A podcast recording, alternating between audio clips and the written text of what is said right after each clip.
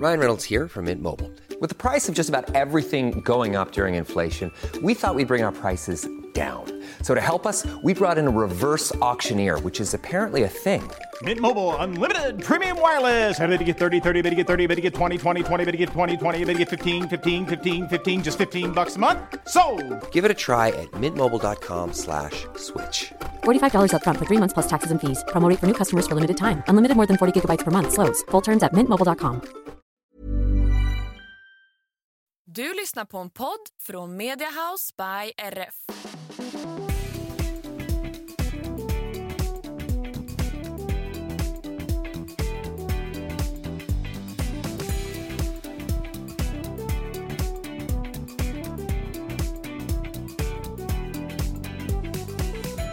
Hej allihopa och välkomna till systrarna Elfstrands hästpodd avsnitt 165. Välkomna, välkomna. Jag som pratar nu heter Anna. Och jag heter Emma och det här är podden om oss, våra fyra hästar och ridsporten i stort och smått. Och Anna, du är nyavramlad. Det kan man verkligen säga. För Och- typ en halvtimme sedan.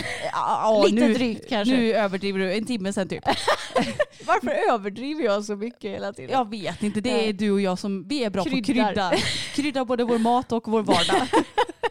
Men ja, jag har ramlat av idag hörni och det är ju om jag inte minns helt fel så tror jag att det var när jag kraschade in i den här oxen med Tage på hoppträningen sist som jag ramlade av. det kan det nog vara. Jag tror det i alla fall. Det är ju alltid svårt att minnas alla avramlingar. Och Så drygt ett år sedan då. Ja, februari 2022 blir det Ja. då. Mm. Så det var väl så dags antar jag.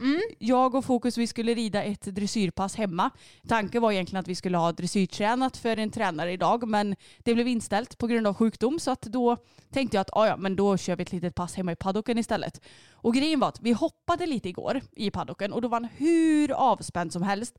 Han kändes som eh, ja, men ett paket smör i princip. Var jättelugn, fin och med mig hela tiden. Så att eh, jag tänkte att ja, men vad skönt, då kanske det är likadant idag.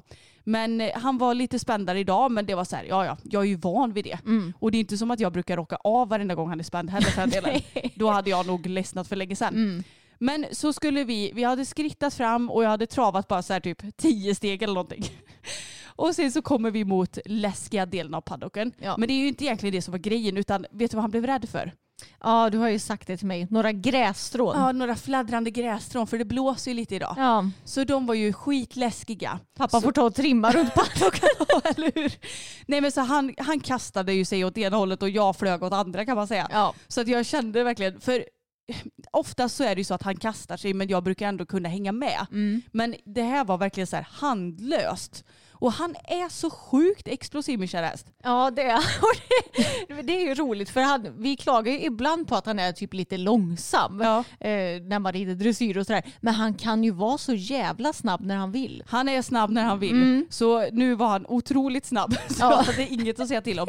Så jag landade på backen och så tittade jag upp på honom för han stod kvar och väntade på mig. Så jag bara, bra. Han är ändå lugn. För att ibland så kan han ju bli så här, åh hjälp och så springer han iväg Ja. ifrån mig. Men jag bara, skönt, han står kvar. Så jag reste mig upp, borstade inte ens av mig utan jag bara tog tygen och så tänkte jag att nu går vi och sitter upp gubben så jag klappade om honom lite för att han kan ju lätt bli lite stressad när jag Ja. åker av. Antagligen så, ja men det, det är nog inte så konstigt att hästar blir lite stressade när man åker av för det är ju konstigt för dem också kan jag tänka Jo. mig. Nej men så jag satte upp igen och eftersom han var lite spänd och vi ändå hade lite små hinder framme så tänkte jag att då lägger vi om planen lite. Så jag red fram honom i både trav och galopp först och lite förvänd galopp och sådär. Men sen så tog jag faktiskt och hoppade de här, vi har två block på lägsta nivån som är typ så här 30 centimeter knappt. Och det har vi 22 meter emellan så då låg jag och varierade lite galoppsprång där för jag tänkte att det är lika bra att by- bryta mönstret. Alltså framförallt för min egen del för att då kan man lätt bli sådär att oj nu har jag åkt av, eh, blir lite spänd upp i hörnan, då är det bättre att bara göra något helt annat. Så det gick bra. Ja. Men ja, eh, jag mår bra i alla fall. Ingen eh, större smäll. Eh, armbågen kanske känns lite värre nu. För att jag, det blir ju alltid en sån här knyck när man åker av. Ja. Men annars så mår jag fint. ja, din armbåge var ju inte jättekry innan heller. Så Nej. det kanske inte det, då står det skillnad. Nej, det går eh, långsamt med den kan jag säga. Ja men du, nu har du inte kört med Equilighten, alltså LED-ljus heller på Nej, några dagar. precis, Vi jag får, får- vi får installera vårt så du får eh, fixa det. Ja, vi har ju köpt vår egen nu så att eh, Ja. jag ska ta tag i det. Men eh, hur mår du då? Jo men jag mår bara fint, känner mig lite trött så här efter påsk. Det är väl säkerligen helt normalt. Men annars är det bra. Jag och pappa och Sigrid red ut en tur i morses på de andra tre hästarna. Gick alldeles utmärkt. Vädret är ju underbart fint ute. Hästarna är fina så det finns ju inte så mycket att klaga på så att säga. Nej men alltså vädret de senaste typ så här tre, fyra dagarna. Jag går bara runt och tittar upp i solen typ och bara myser. Mm.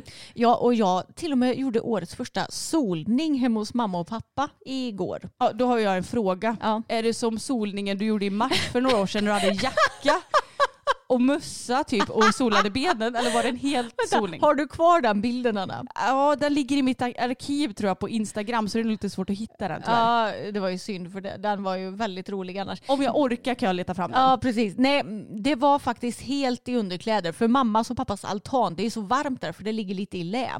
Så det blåste inte så mycket så det blev riktigt varmt att ligga där. Ja men man pallar ju inte att sola där på somrarna för det blir Nej, för nej, varmt. det går inte. Men det var skönt. Nu får man så här sakta men säkert vänja in huden vid eh, UV-strålarna igen när det kommer sol ute.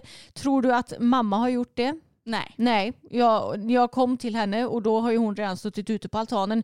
Är hon bränd på typ halsen och bröstet? Ja. det är hon. Och då sa jag det, mamma du måste ha på dig SPF. Nej, det... Alltså hon och pappa är ju typ eller inte så himla mycket mamma egentligen, men pappa är ju den största SPF-motståndaren som jag vet. Ja, fast mamma är väl lite det också för hon Ja. använder det ju typ aldrig. Nej, och jag sa det när jag kom till mamma. Ja, jag antog att ni inte har någon SPF hemma så det tog jag med till mig. Mm. Och hon, då sa hon, det trodde du rätt i. Så de har ju inte ens någon SPF hemma. Nej men alltså seriöst, hade jag betett mig som mamma och pappa då hade jag ju inte haft någon hud kvar. Nej.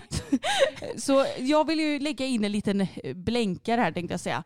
Använd solskyddsfaktor älskade ni för att Ja. det är inte värt att bränna sig, det gör ont. Och det är ju så himla enkelt egentligen att bara smörja in sig. Vi använder ju solskyddsfaktor för ansiktet året om. Ja. Men nu får man ju börja tänka på de andra delarna som kommer att synas i solen. För Ja, nu har vi ju, nu, ja, precis, Mm. nu har vi ju gått med vinterjackor hela året tänkte jag säga. Då behövs det inte så mycket på de andra delarna av kroppen så att säga. Nej, så att det vill jag verkligen eh, slå ett slag för. Och vi har ju en till grej att berätta Emma. Ja. Vi ska ha, eller nu ser jag det som att vi anordnar det. Vara ridskola anordnar loppis den 7 maj från klockan 10 till klockan 15. Och då så ska ju vi sälja av massor med grejer. Ja. Och jag kan ju avslöja att det är bland annat eh, sådana här Kentucky Showrug-tecken. Det är eh, några så här walking-tecken, jag kommer inte ihåg vad det heter. Ja, Skrivmaskinstecken. En hel del ridkläder. Vi har ju också våra ridleggings som vi inte kan sälja längre i vår webbshop eftersom vi inte har någon webbshop längre. Så det finns ju i typ alla storlekar, inte riktigt i alla färger då alla storlekar. Men det finns så man kan komma dit och prova och köpa eh, billiga ridleggings.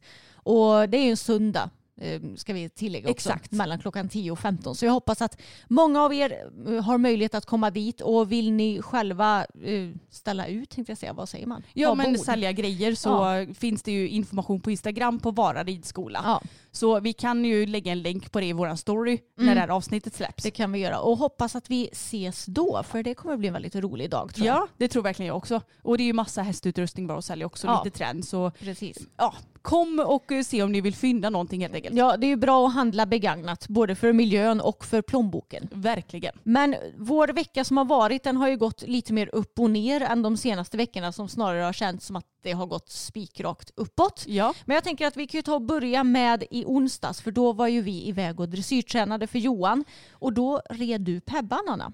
Det gjorde Nej, jag inte alls. gjorde- nej, men herregud. Jag blev helt chockad. Jag bara, Just det. det. Det var inget. Jag red Pebban. Jag, jag, tänkte, jag var så inställd på att du ska rida henne nästa dressyrträning. Ja, jag red fokus. Du red Fokus och jag red Pebban. Stryk det där hörni. Ja. Ja. men det var jättekul för att jag var ju lite, jag var ju lite butter efter dressyrtävlingen och kände bara det är typ ingen idé att jag rider dressyr för att vi kommer inte få bra poäng någonsin ändå. Ja, ni vet ju hur man kan bli efter en motgång. Mm. Jag är sån i alla fall, som den känslomänniska jag är. Men Johan och Fokus vet ju hur man ska få upp mitt, eh, min motivation. Mm. Ja, verkligen. För att då var jag så här, vi kan träna på vad som helst. Jag har en månad till nästa tävling så det är liksom lugnt på det planet.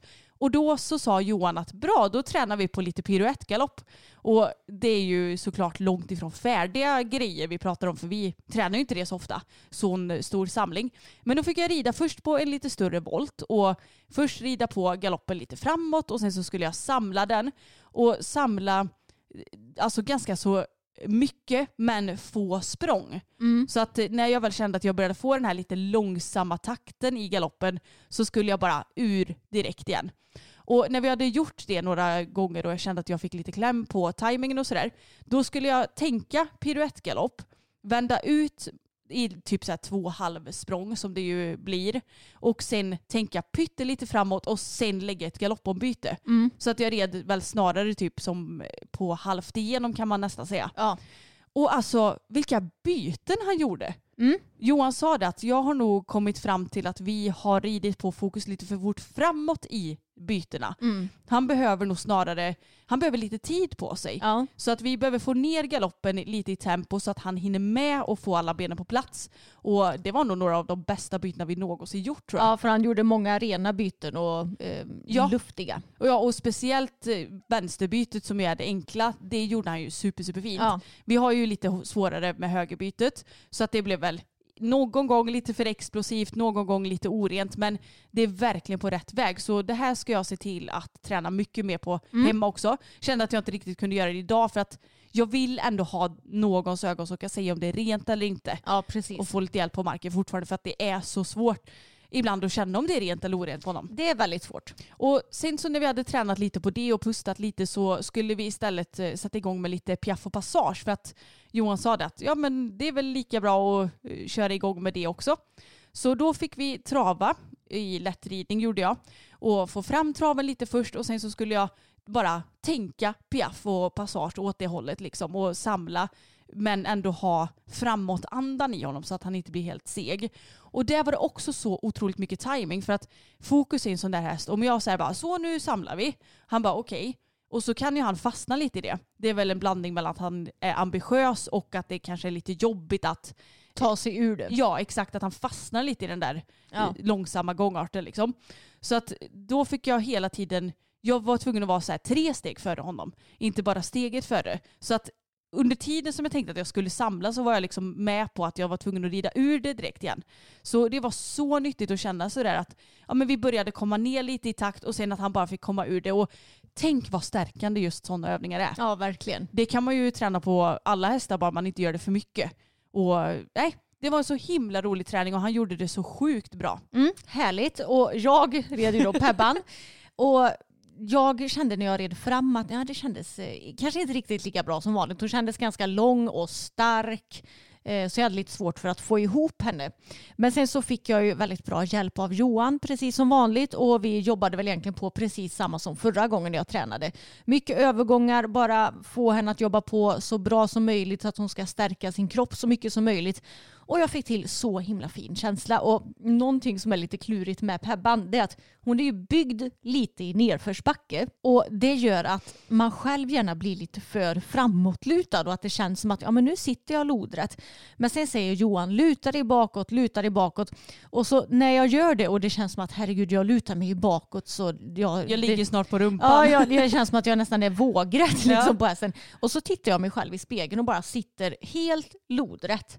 Och jag bara, ja, det, det här är ju helt otroligt. Och när jag då lutar mig bakåt, som Johan säger, det vill säga när jag sitter lodrätt, då går hon ju mycket bättre också. Ja, men det är ju så med alla hästar och det är någonting som jag aldrig har tänkt på för jag har ju, vi, vi båda har ju varit lite för framåtlutade. Kanske lite typiskt hoppryttare så här, att man är Ja. van att stå i lätt sits och så ska man börja rida lite dressyr och så känns det mer bekvämt att sitta lite framför Exakt. lodplan liksom eller så. Men det är ju så mycket enklare att kunna öppna upp höfterna när man behöver göra det när man sitter rätt. Det är också enklare för hästen. Jag menar, man får ju den framför sig på ett helt annat sätt när man sitter ordentligt. Så att det- här med att luta sig bakåt, det är nog det bästa mantrat jag någonsin har fått i mitt huvud. För att jag har provat många saker, så här, att man ska tänka att någon drar en i håret eller sträcka på sig. Men jag menar, sträcka på mig, det kan jag ju göra i vilken vinkel som helst. Ja, det är sant. Så det är så nyttigt att tänka att man ska luta sig bakåt men sen så får man ju för den sakens skull inte sitta bakom Nej. lod heller. Men det blir ju inte det för att ja, Nej, Har man en tendens att luta sig framåt så ska det ju krävas mycket för att man ska hamna bakom, Bakom, lod ja. om man lutar sig bakom. exakt. Ja, nej men det var väldigt roligt i alla fall. Jag kände att jag fick bra hjälp. Men de där övergångarna är ju så svåra på henne. Och det som är svårt är att hon blir ju Alltså hon är ju egentligen inte stark när man bara rider runt på henne. Då är hon ju känslig i munnen. Men när man tar tygeltag på henne så är det som att det funkar inte riktigt. Nej. Hon blir mest lite stretig och känns som att hon biter sig fast typ i bettet och inte riktigt tar de här förhållningarna som alla våra andra hästar är ju väldigt enkla att göra övergångar på skulle jag säga. De gör det väldigt lätt och bra. De är väldigt känsliga och fina i munnen utan att de släpper stödet. Så det här är ju en helt annan utmaning vi har och det går att få till väldigt bra övergångar om man typ bara rider dem med sitsen och om man rider 100% korrekt. Men det är svårt att göra det för vi känner ju inte henne så bra än heller. Nej, verkligen. Så att jag känner att vi ska ju tävla dressyr nu om, ja men vad blir det, två och en halv vecka va? Ja, Eller nej, nästan tre veckor. Så då så känner jag att jag verkligen behöver Johans hjälp att kunna få till det där ordentligt. För att det blir ju en hel del övergångar på en dressyrbana. Och det är ju allra svårast från galopp ner till trav tycker jag. Håller du med om det? ja. Alltså Det ju snabbare ju svårare. Det brukar ju Jo. oftast vara så. Exakt. Men det är så himla nyttigt. Jag tänker att det känns som att vi kommer kunna rida övergångar på vilken häst som helst sen. För att vi kommer Ja. att eh, kunna göra det på hästar som trivs på olika ridsätt. Mm. Och det är ju också så himla lätt att glömma bort så här. För att man lär sig på ett visst sätt att ja men samla lite med sitsen och sen det allra sista kan du krama till i tygen. Det är ju det som man oftast lär sig. Mm. Men det är så nyttigt att bara, nej men radera allt du kan. Nu måste du lära dig om det på nytt, vilket är Mm. Ja, skitstörigt Det är också. mycket nytt ridtekniskt som vi har lärt oss sen vi började rida för Johan. Men eh, det är väldigt roligt och hon är ju skitduktig precis som vanligt. Hon gör ju alltid sitt bästa. Hon är så himla ambitiös. Och ja, men hon är bara så himla rolig. Och det ska också tilläggas att det känns ju alltid värre än vad det ser ut Gud ja. när det kommer till de här övergångarna. Så jag kan tänka mig att en, en person som kanske inte är superrutinerad på ridning hade säkert inte ens sett att vi strugglar med det. Nej. Och jag vet inte om en dressyrdomare hade tänkt på det sådär jättemycket heller. Men det är ju helt klart någonting som kan bli betydligt bättre. Ja, ja. Och som vi jobbar på. Det som jag skulle säga är den största svagheten som hon har i sin ridning och alla våra hästar är ju så himla olika varandra också. Man kan ju säga att Pebban och Fokus är lite varandras eh, motsatser. För Fokus han har ju lätt för övergångar. Han är ju till exempel väldigt duktig på enkla byten och sådär. Men han är istället väldigt så här, stel åt sidorna och har ju alltid varit det när vi köpte honom. Det gick ju inte att få honom att ta ett steg i skänkelvikning för han fattade ju inte de Nej. sidförande hjälperna. Och, eh, det har liksom varit ett hinder för honom både mentalt och kroppsligt, kroppsligt tror jag.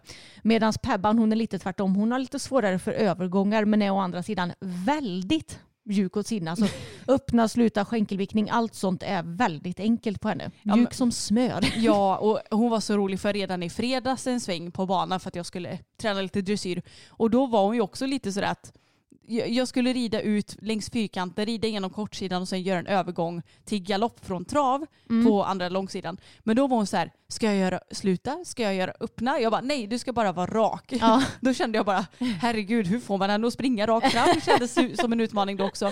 Det är Ja. ju så otroligt Alltså man förstår ju de som eh, verkligen säger att det tar minst ett år att rida in sig ordentligt på en häst. Mm. Så jag längtar ändå tills vi har kommit lite mer underfund med hur vi ska rida henne. Ja. Men det är så lärorikt och roligt. Det är det verkligen. Och sen dagen efter att vi hade dressyrtränat så åkte vi iväg med Bella och Fokus och hopptränade hos Sussi. För Sussi kan inte komma till ridskolan förrän jag tror det är sista veckan i april. Så då kände vi att vi behöver komma iväg och träna lite grann. Och Sussi har ett 2060 ridhus så det är ju betydligt smalare mot vad vi är vana vid att rida i. Det är det som är problemet när vi är så vana vid att rida i på så stora ridbanor att när du kommer in i ett ridhus som är 20 meter brett det blir genast mycket trängre, det är mycket svårare att få till en bra galopp. Det är mycket, mycket svårare att få hästarna framme för skänken. I synnerhet en häst som Bella som är så jävla tryckkänslig och som hon behöver sin plats liksom och komma igång och sådär. Så man kan ju säga att det var inte riktigt vår bästa träning utan tvärtom för mig så kändes det som den sämsta på länge och säkert för dig också. Eh, tror du det eller? Nej alltså fy vilken träning. Jag, eh, jag var helt ur balans mentalt. Fokus var inte framme för skänken för fem öre. Och vi kommer ju lägga ut en video på det här imorgon.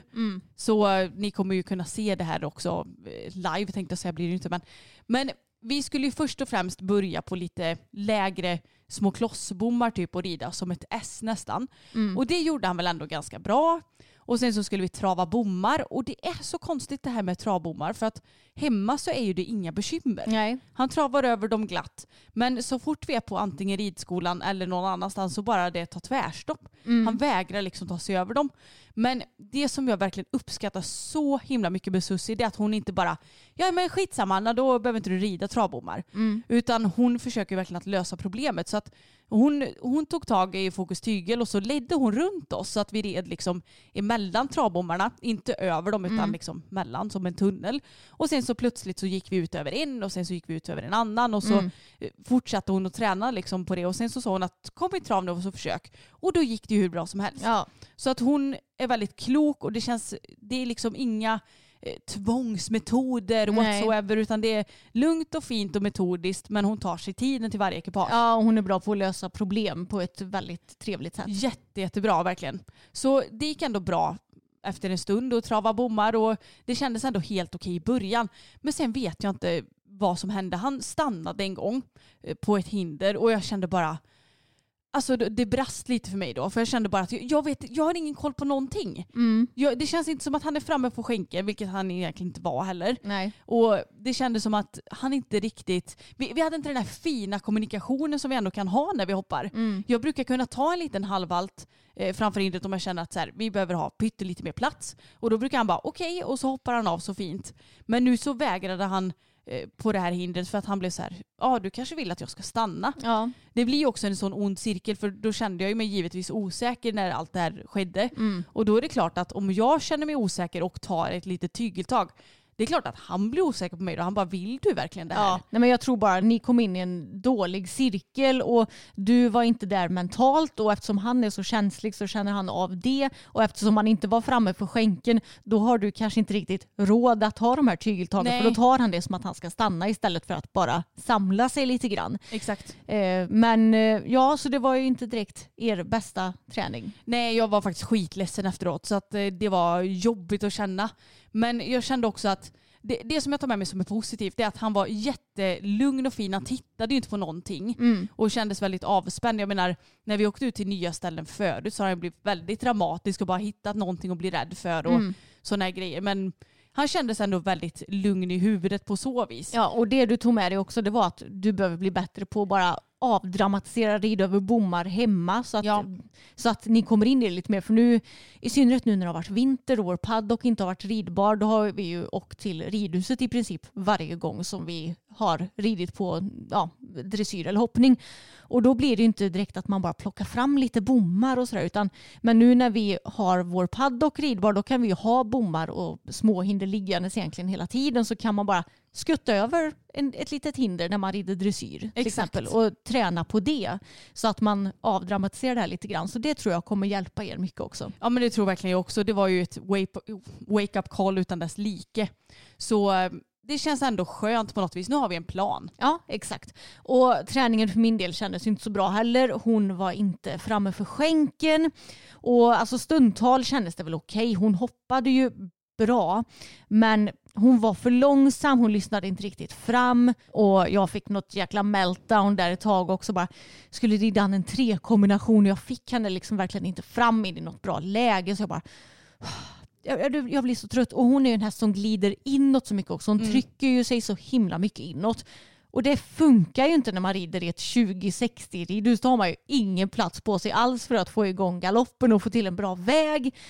Så ja, jag blev lite tokig. Men eh, ja, så är det. Nu, jag tänker att nu kan det bara bli bättre förhoppningsvis. Exakt. Men jag tyckte ändå att du gjorde det väldigt bra för att jag såg ju hon var inte helt schysst mot dig i den här träningen tycker jag. För att jag såg så här att du la på skänken och det hände i princip ingenting. Och ja, men när ni skulle få era galoppsprång så såg jag att sista, det blev liksom att hon fick gå av lite stort. För att då får hon ju skylla sig själv när hon inte har tagit din skänkel framåt. Ja, Ja vad ska hon göra då? Då får hon ta i lite extra liksom.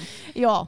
Så det var ju lite så här, jag blev lite frustrerad på Bella. Även fast jag inte redan jag bara, men kom igen kan du inte bara ta skänken Ja, Bella? vet. Det var så störande. Då kände jag också, vad kul att jag ska tävla 1.10 om två veckor och det känns så här.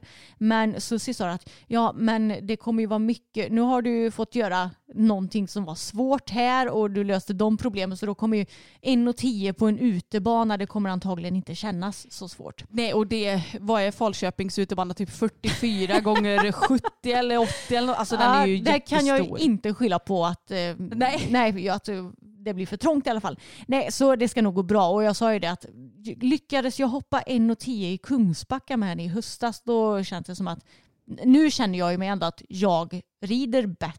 Än Ni är ju mer redo nu. Ja, jag känner ju att vi är mer redo nu och dessutom, det var ju inne i deras ridhus som är ganska trångt och det ger också mycket tryck eftersom det är ganska så mörkt och sådär. Så det, jag fick ju kämpa den tävlingen överlag för att få fram henne och få henne avspänd och sådär.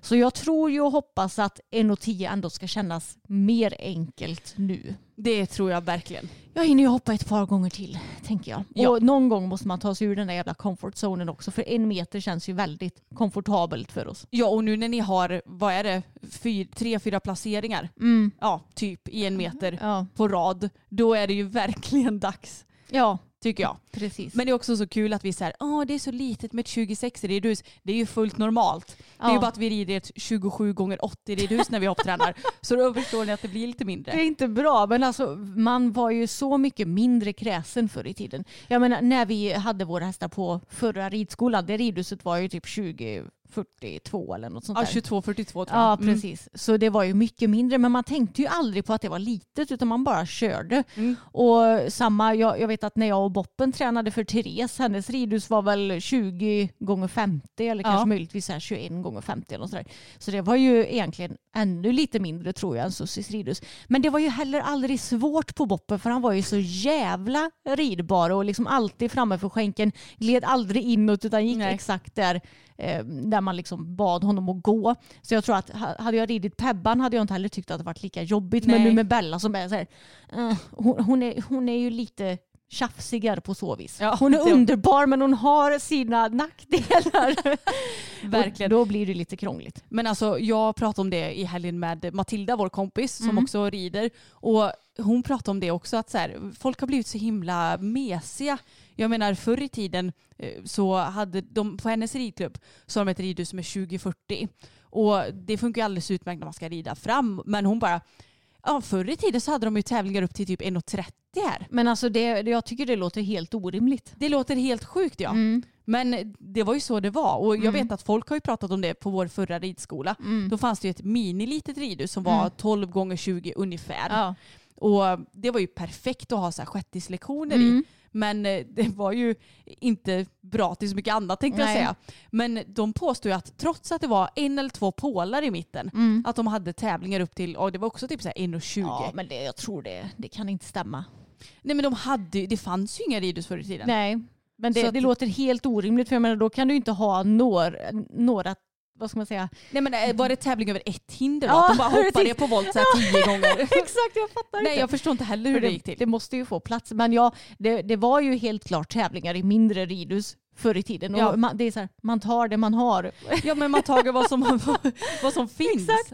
Ja, det är lite roligt. Vi blir nog mer och mer kräsna och även när det kommer till underlag. Vi har ju pratat om Ja. det att det är många som gnäller på underlag och sådär. Jag själv är inte så knörslig när det kommer till underlag. Jag vet att det är många som föredrar fibersand och sådär. Och jag, jag kan ju tycka att fibersand är bra att ha när man hoppar. Men det är ju också så att hästarna lätt snubblar på det eftersom de fastnar i den där jävla fibersanden. Till exempel Bella i Lidköping. Till exempel fokus varenda gång jag rider på något fiberunderlag. Alltså han kan trava och bara dunk. Ja, exakt. Det blir ju inget naturligt glidmoment. Och jag såg på världskuppen nu i hoppning när det var final.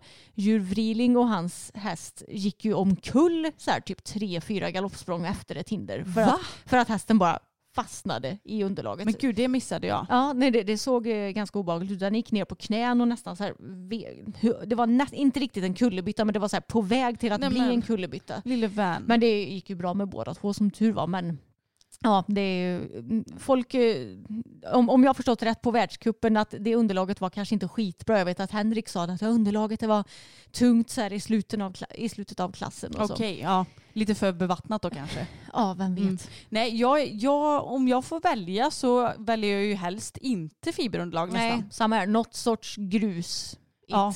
Och flod är väldigt trevligt Ja också. det är det. Men är inte det typ eh, fiberish på något Jo vis? men det, det har ju ändå mer glidmoment typ eftersom Ja. det är ingen fiber i det utan det Nej. är bara den här sandstranden inom citationstecken. Mm.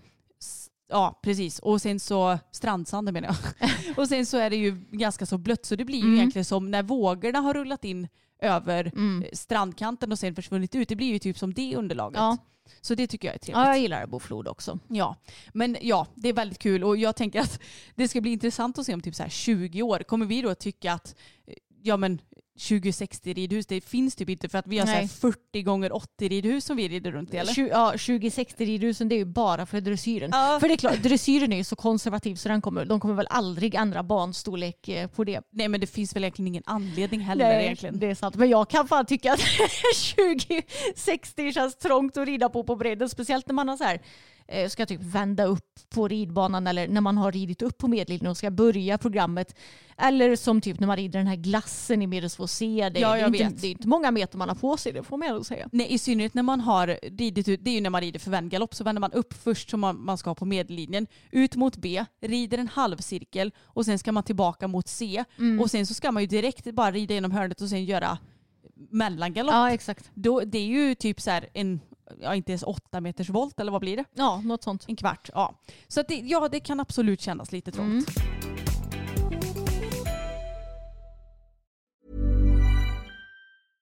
Hey, I'm Ryan Reynolds. Recently, I asked Mint Mobile's legal team if big wireless companies are allowed to raise prices due to inflation. They said yes. And then when I asked if raising prices technically violates those onerous two year contracts, they said, What the f are you talking about, you insane Hollywood ass? So to recap, we're cutting the price of Mint Unlimited from $30 a month to just $15 a month. Give it a try at mintmobile.com slash switch. $45 upfront for three months plus taxes and fees. Promo rate for new customers for limited time. Unlimited more than 40 gigabytes per month. Slows. Full terms at mintmobile.com.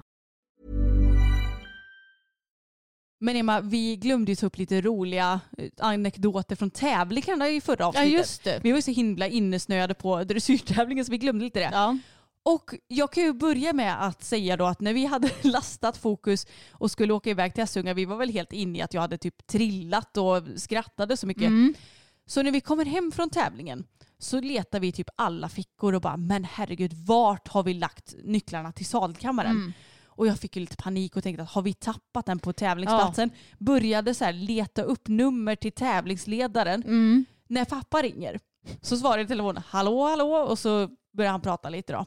Och så sa han Jo förresten, jag har lagt eh, nycklarna i, ja, på ett ställe för att eh, de satt i dörren när jag kom till stallet och jag bara Jaha, då hade vi helt glömt att Ja. låsa dörren. Och det roliga är att det hade varit en grej om man hade haft så här jättebråttom eller var väldigt stressad. Men han gick ju på snabbt. Så Ja. vi hade ju inte minsta lilla bråttom. Vi var bara så jävla flummiga. Så vi glömmer att låsa och sätter nycklarna i dörren. Men alltså jag kan säga att det är inte första gången det har hänt mig. Nej, nej, nej. Det har ju hänt många gånger. Mm. Men sen så var vi också dagen efter i Trollhättan ju.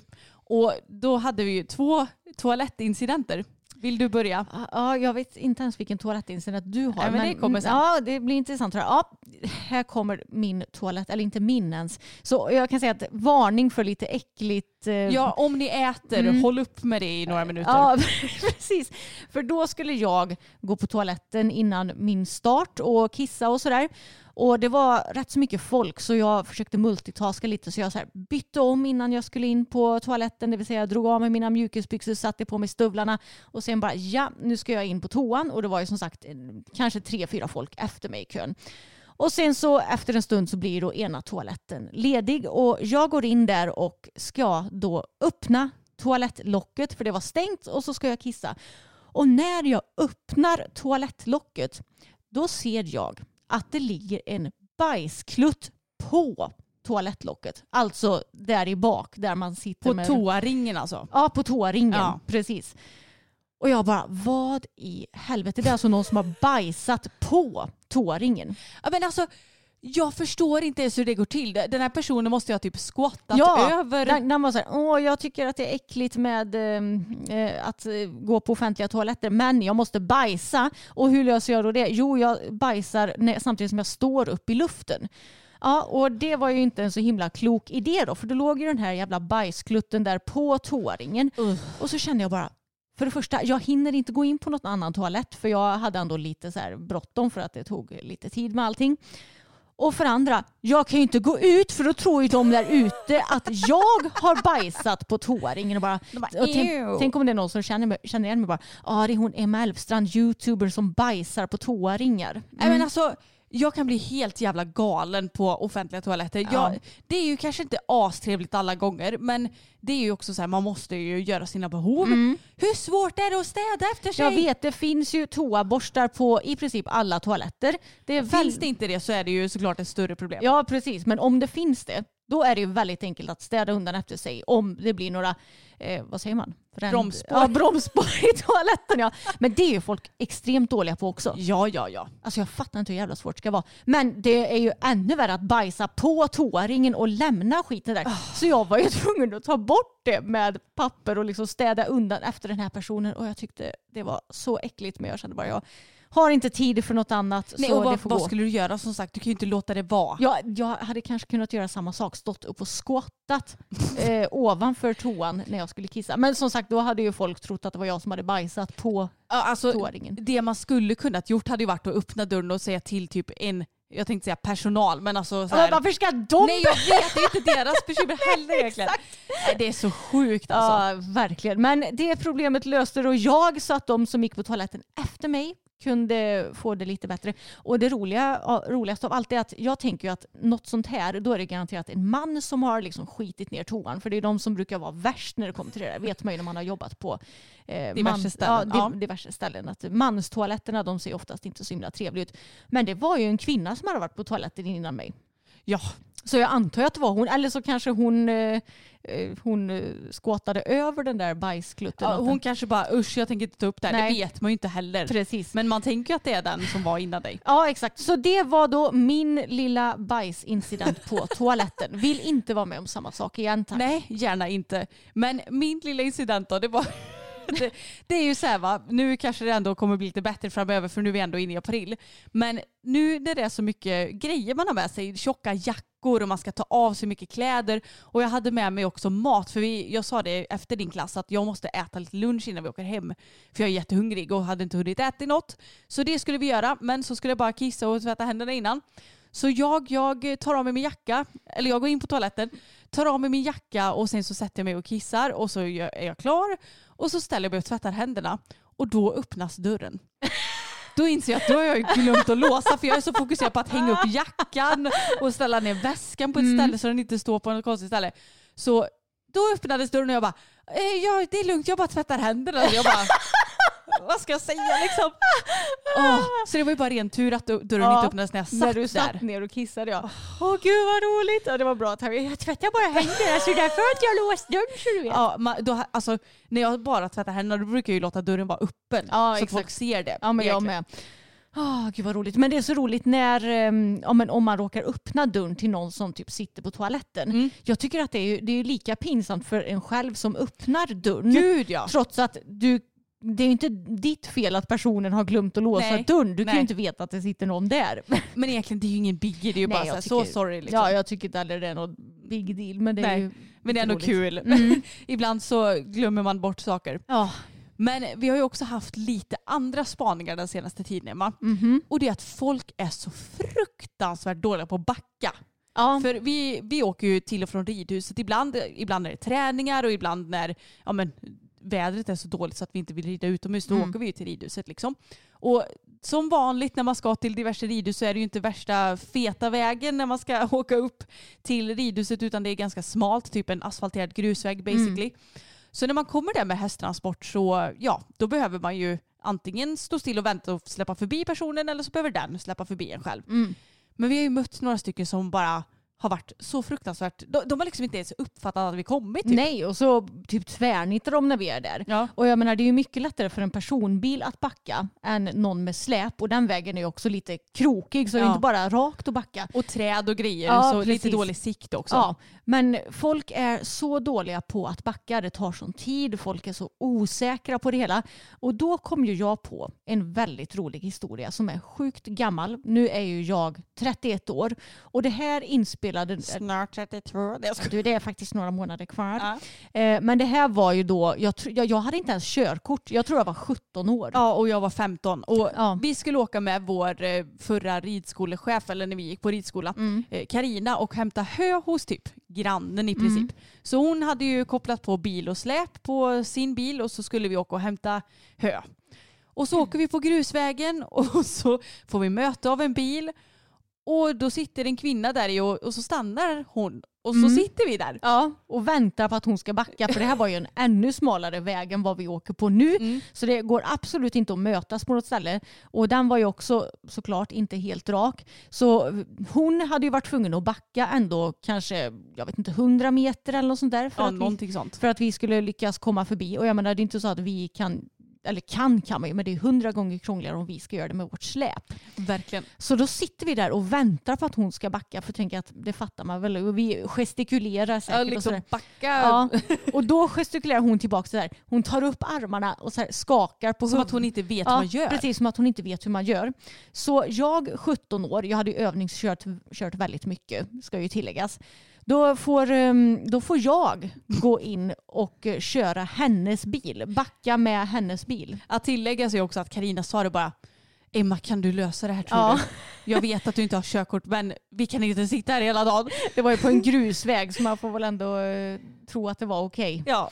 Ja, nej, så då fick jag alltså lösa den situationen där en vuxen kvinna inte kan backa med sin bil. Och jag känner bara, har vissa människor fått sitt körkort i cornflakespaketet? Ja, det kan man, det kan man tro. ja men det är helt orimligt. Jag förstår att det är lite halvklurigt att backa med släp när man inte är van vid det. För att det är inte bara att backa rakt bak utan man måste parera det hela tiden. Och eh, för att svänga åt höger behöver man typ svänga bilen åt vänster och sådana där grejer. Så det är klart att det kan vara lite klurigt. Ja. Men att backa med en personbil som är pytteliten dessutom. Det var ju Ja. som en liten nyckelpiga den där bilen. Ja, men alltså, det är så lätt. Och jag menar, det finns ju både backspeglar och den här, vad säger man?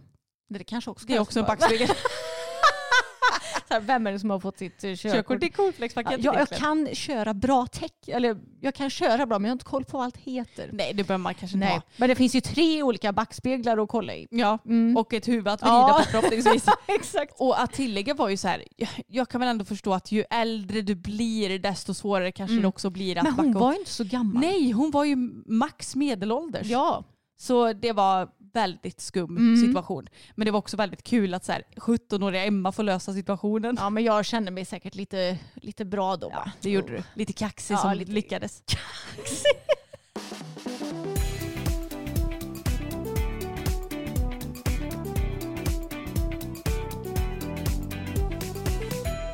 Ja, men nu när vi ändå har pratat lite grann om tävling och sådär så måste jag säga att jag vet att många eh, som inte har tävlat på ett tag kan lägga ut på så här sociala medier. Åh, vad jag saknar att tävla och göra i ordning hästen inför tävling och putsa och packa och det är så himla mysigt. Alltså jag har insett att jag hatar ju alla tävlingsförberedelser. Jag Det enda tycker- du gillade att tävla. Ja, det enda jag gillar är att tävla. Alltså jag tycker det är pisstråkigt att putsa, jag tycker det är pisstråkigt att packa. Att göra hästen finare än vanligt, det förstår jag mig inte heller på. Jag, jag tycker helt enkelt att det är tråkigt att lägga tid på, vad ska man säga, Du tycker att det är lite onödiga saker. jag tycker att det är onödiga saker. Ja. För, för mig så spelar det liksom ingen roll hur min häst ser ut. Men Då- du skulle väl heller aldrig kunna med att komma med så här en eh, helt stövig magplatta Nej. och Nej, nej. superlediga ben. Liksom. Det är ju det som är grejen. Ja. För sporten är ju ändå så pass ytlig att man vill se eh, hyfsat ren och eh, hel ut så att säga. Men Jag, jag är ju hellre sån att när det kommer till mina hästar, jag lägger ju hellre tid då till exempel på att eh, ja, men ta hand om dem lite extra så att det ska hjälpa deras välmående och prestation. Till exempel så här, med våra kylskydd som vi har. Nu har vi LED-ljus och eh, värmedyna och att man kan stå Massera lite. massera lite, gunga rygg, ja men ni vet sånt. För att det är ju inte en ytlig grej utan det är ju någonting som ska hålla dem friskare och förhoppningsvis mer hållbara och välmående. Sånt lägger jag mer än gärna tid på. Mm. Men sådana här ytliga, trökiga grejer som man gör inom stationstecken bara för att.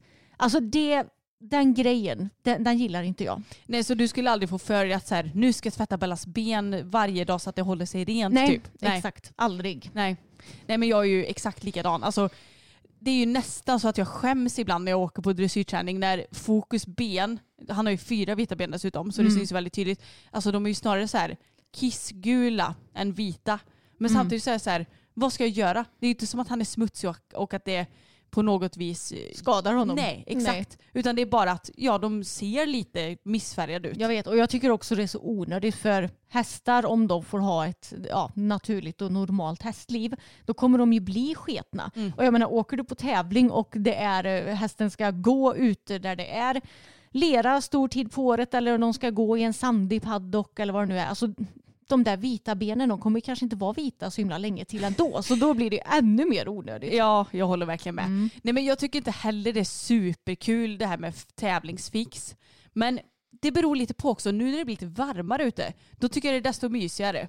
Men jag tycker när det är kallt ute, då är det inte så kul att stå och putsa Nej. och bli kall om händerna. Och, Nej men du är ju lite pyssligare än vad jag är. Jo, det är jag ju. Så du uppskattar det ju helt klart mer än mig. Men jag kan inte förstå mig på det här med eh, ja, men om man inte har tävlat på länge och att man ser fram emot de här tävlingsförberedelserna. Det gör ju inte jag. Jag ser ju bara fram emot själva tävlandet Ja. och att prestera. Men det är också, jag, jag kan koppla det lite typ till när jag gick på högskolan.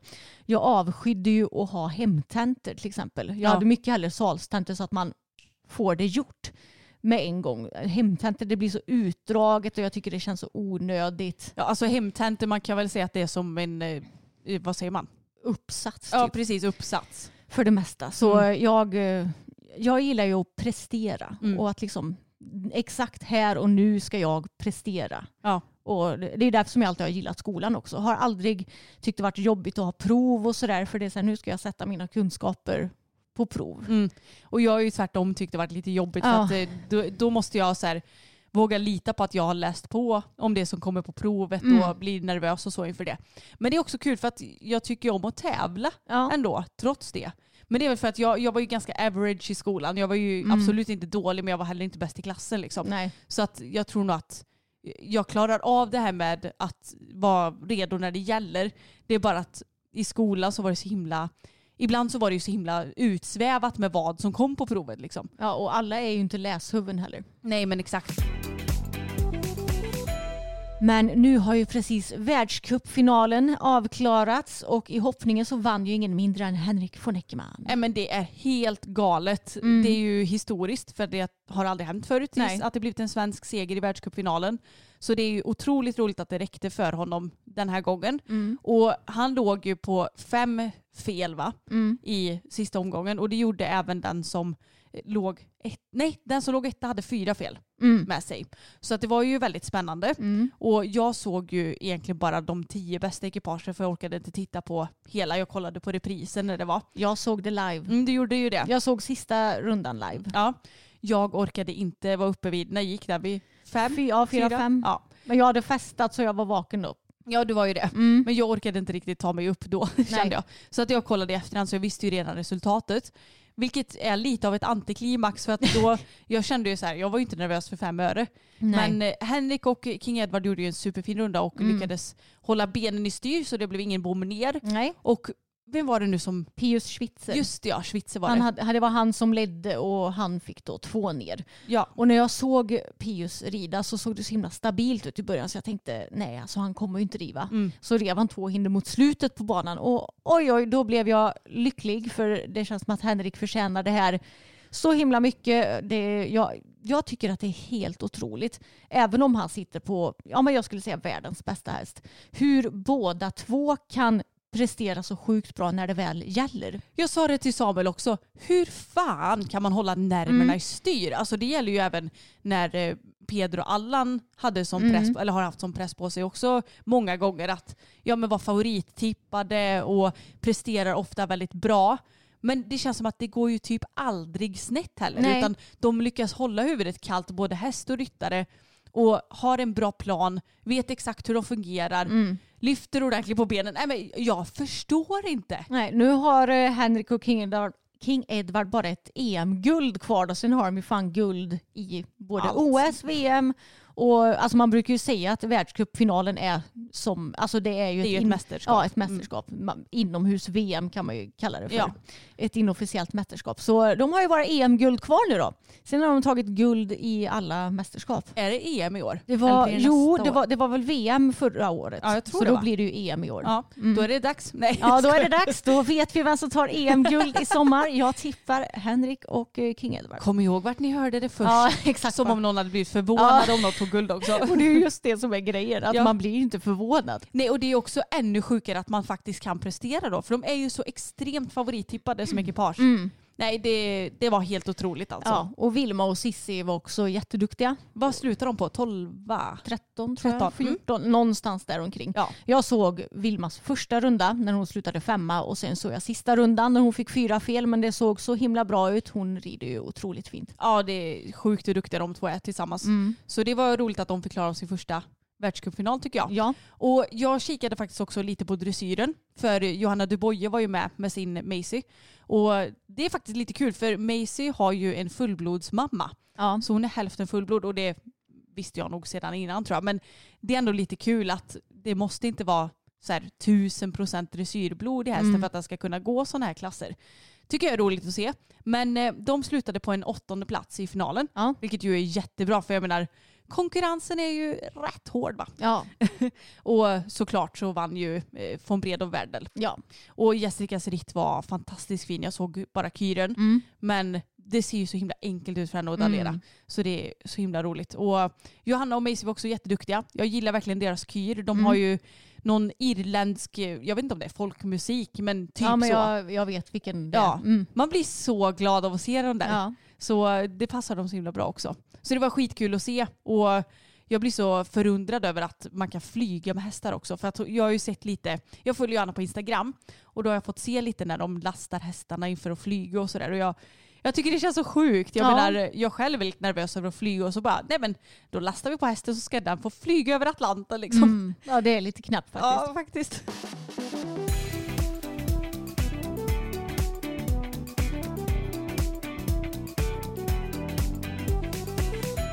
Okej, jag tänkte att vi ska ta upp ett DM som vi har fått skickat till oss och ni får ju jättegärna skriva till oss, systrarna Elfstrand, eller så kan ni skriva diverse frågor i vår eh, eftersnacksgrupp på Facebook som heter systrarna Elfstrands hästpodd eftersnack och den har jag länkat till i beskrivningen till podden. Hej, jag har en sak som jag vill att ni gärna tar upp i podden. Det gäller det här med hästarna och dagens ekonomi. Ingen verkar ta upp detta med tips och så vidare. Alla jag känner med hästar har det så tufft och har inte råd med träningar och annat längre. Får spara in. Tänker att ett avsnitt med enkla hacks för att faktiskt spara pengar vore bra. Eller hur man tänker omkring hästarna i dagens tuffa ekonomiska tider. Ni är de enda som jag tycker har en bra budget för hästarna. Ni överdriver inte och har inte bara asdyra märken och så vidare. Ni verkar ha hjärtat på rätt ställe och tänka som jag vad som fungerar bra och inte ha sådan märkeshets. Hade varit guld med ett sånt avsnitt tycker i alla fall jag. Tack för alltid lika intressanta avsnitt både som podd och YouTube Mvh Jeanette. Och tack snälla Jeanette för dina fina ord. Vi blir jätte, jätteglada för det. Och ja, ekonomi, ekonomin. ekonomin är ju väldigt tuff just nu. Ja, det är den. Och jag tycker att det märks så tydligt när det kommer till ja, men till exempel våra träningar på, på ridklubben. Att det är färre som väljer att träna nu och det beror säkerligen på att folk inte har råd, vilket man ju förstår. Och då blir det kanske lite en ond cirkel att tränarna måste ta mer betalt för att kunna ha råd att åka iväg och då blir det för dyrt så att eleverna inte har råd att träna och så vidare. Så det känns som att ja, men i och med ekonomin så har nog många hamnat i en liten ond cirkel när det kommer till våra hästar. För som vi ju alla vet så är det dyrt. Men grejen med oss Sanna är att jag, eller vi, vi har ju aldrig räknat på hur mycket våra hästar kostar i månaden. Nej men grejen är att nu, nu låter vi ju extremt bortskämda och det är vi också, vi är väldigt privilegierade men vi har ju inte direkt eh, behövt tänka så himla mycket på det för att vi har alltid haft råd med våra hästar. Och därför har vi inte heller behövt liksom sätta världens budget eller kalkyl för vad allting kostar. Nej. Men jag tänker ändå att vi är ju också sådana så att vi köper ju inte så himla mycket grejer till våra hästar längre. Nej. Så att jag tror ändå att vi kan komma med lite tips kring det här. Ja, och jag tänkte säga vi har ju också privilegiet att ha ett företag som vi kan dra av i princip alla kostnader på våra hästar med. Ja. Och då kan ju vi dra av momsen också vilket innebär att vi inte behöver lägga lika mycket pengar på till exempel utrustning som du gör om du köper privat och sådär. Så i och med det så blir det inte riktigt att vi räknar på det hela eh, Heller. heller. Nej. Eh, så länge vårt företag går runt och så länge vi kan betala ut en lön till oss och vi kan lägga på lite allt möjligt. Exakt. Men ja, okej. Om vi ska försöka svara på frågan då, Anna. Ja, men jag tänker att det viktigaste är att planera Mm. och att räkna lite på det. Först och främst så behöver ju hästarna äta mat. Ja. Det är ju det allra, allra viktigaste. Och då kanske man ska kolla över lite hästens foderstat. Ger man den saker som den faktiskt behöver eller ger man den saker som är väldigt dyra och som man kanske kan byta märke på? Ja, jag tänkte säga det. Det finns ju många, alltså vissa tillskott till exempel. Många märken är sjukt dyra och sjukt odryga för att Exakt. det bara är massa Tillsatser. tillsatser och skit i så att det är egentligen helt eh, ovärt att ge dem det. Då kan det vara bättre att byta till något annat märke. Vi använder ju oss av Minerals by Nordic som vi är ambassadörer för.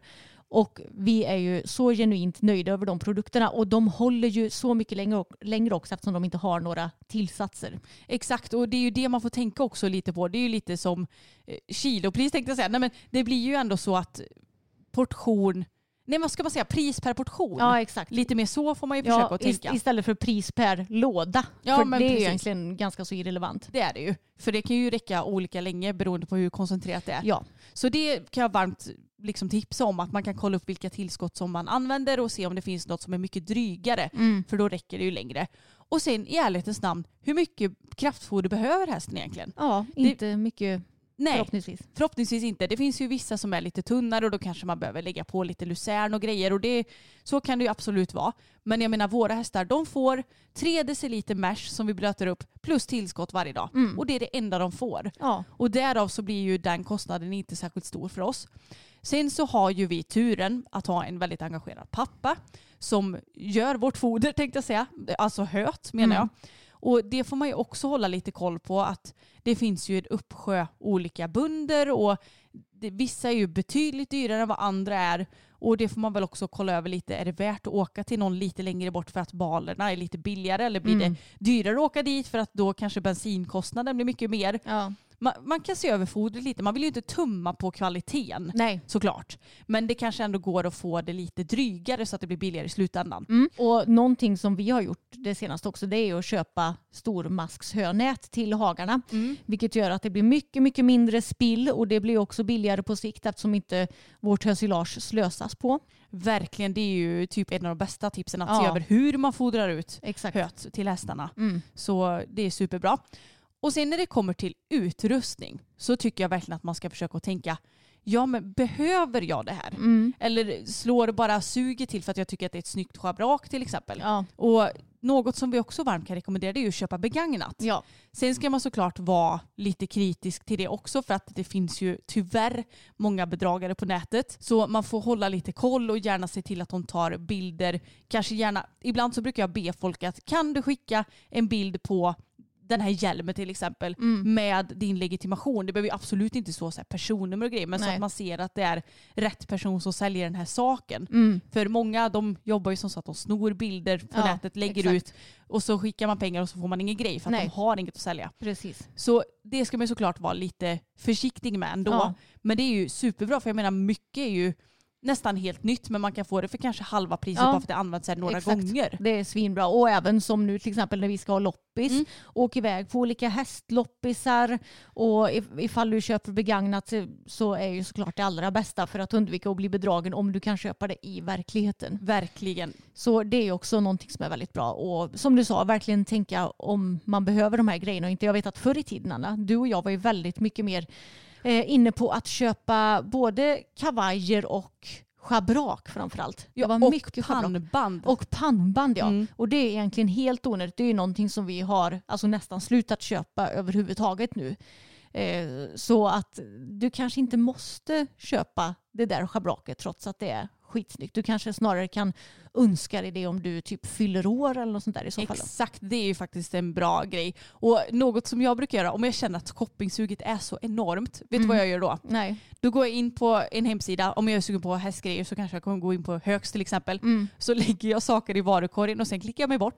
För då är det lite som att säga, jag har ändå tittat runt lite, jag har lagt saker i varukorgen men jag köper det inte. funkar för mig, kanske inte funkar för någon annan. Nej. Och eh, så vill jag också varmt tipsa om att butiker har ju rea ibland.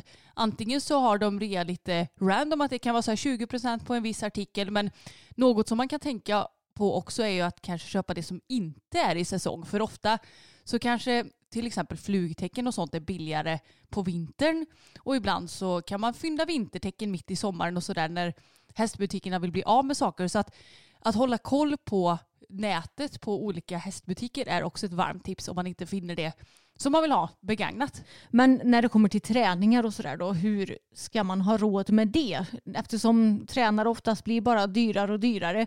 Jag tänker att då får man väl kanske lite se efter. Är det, kommer det vara billigare för mig om jag åker iväg till min tränare eller är det billigare om tränaren kommer till mig?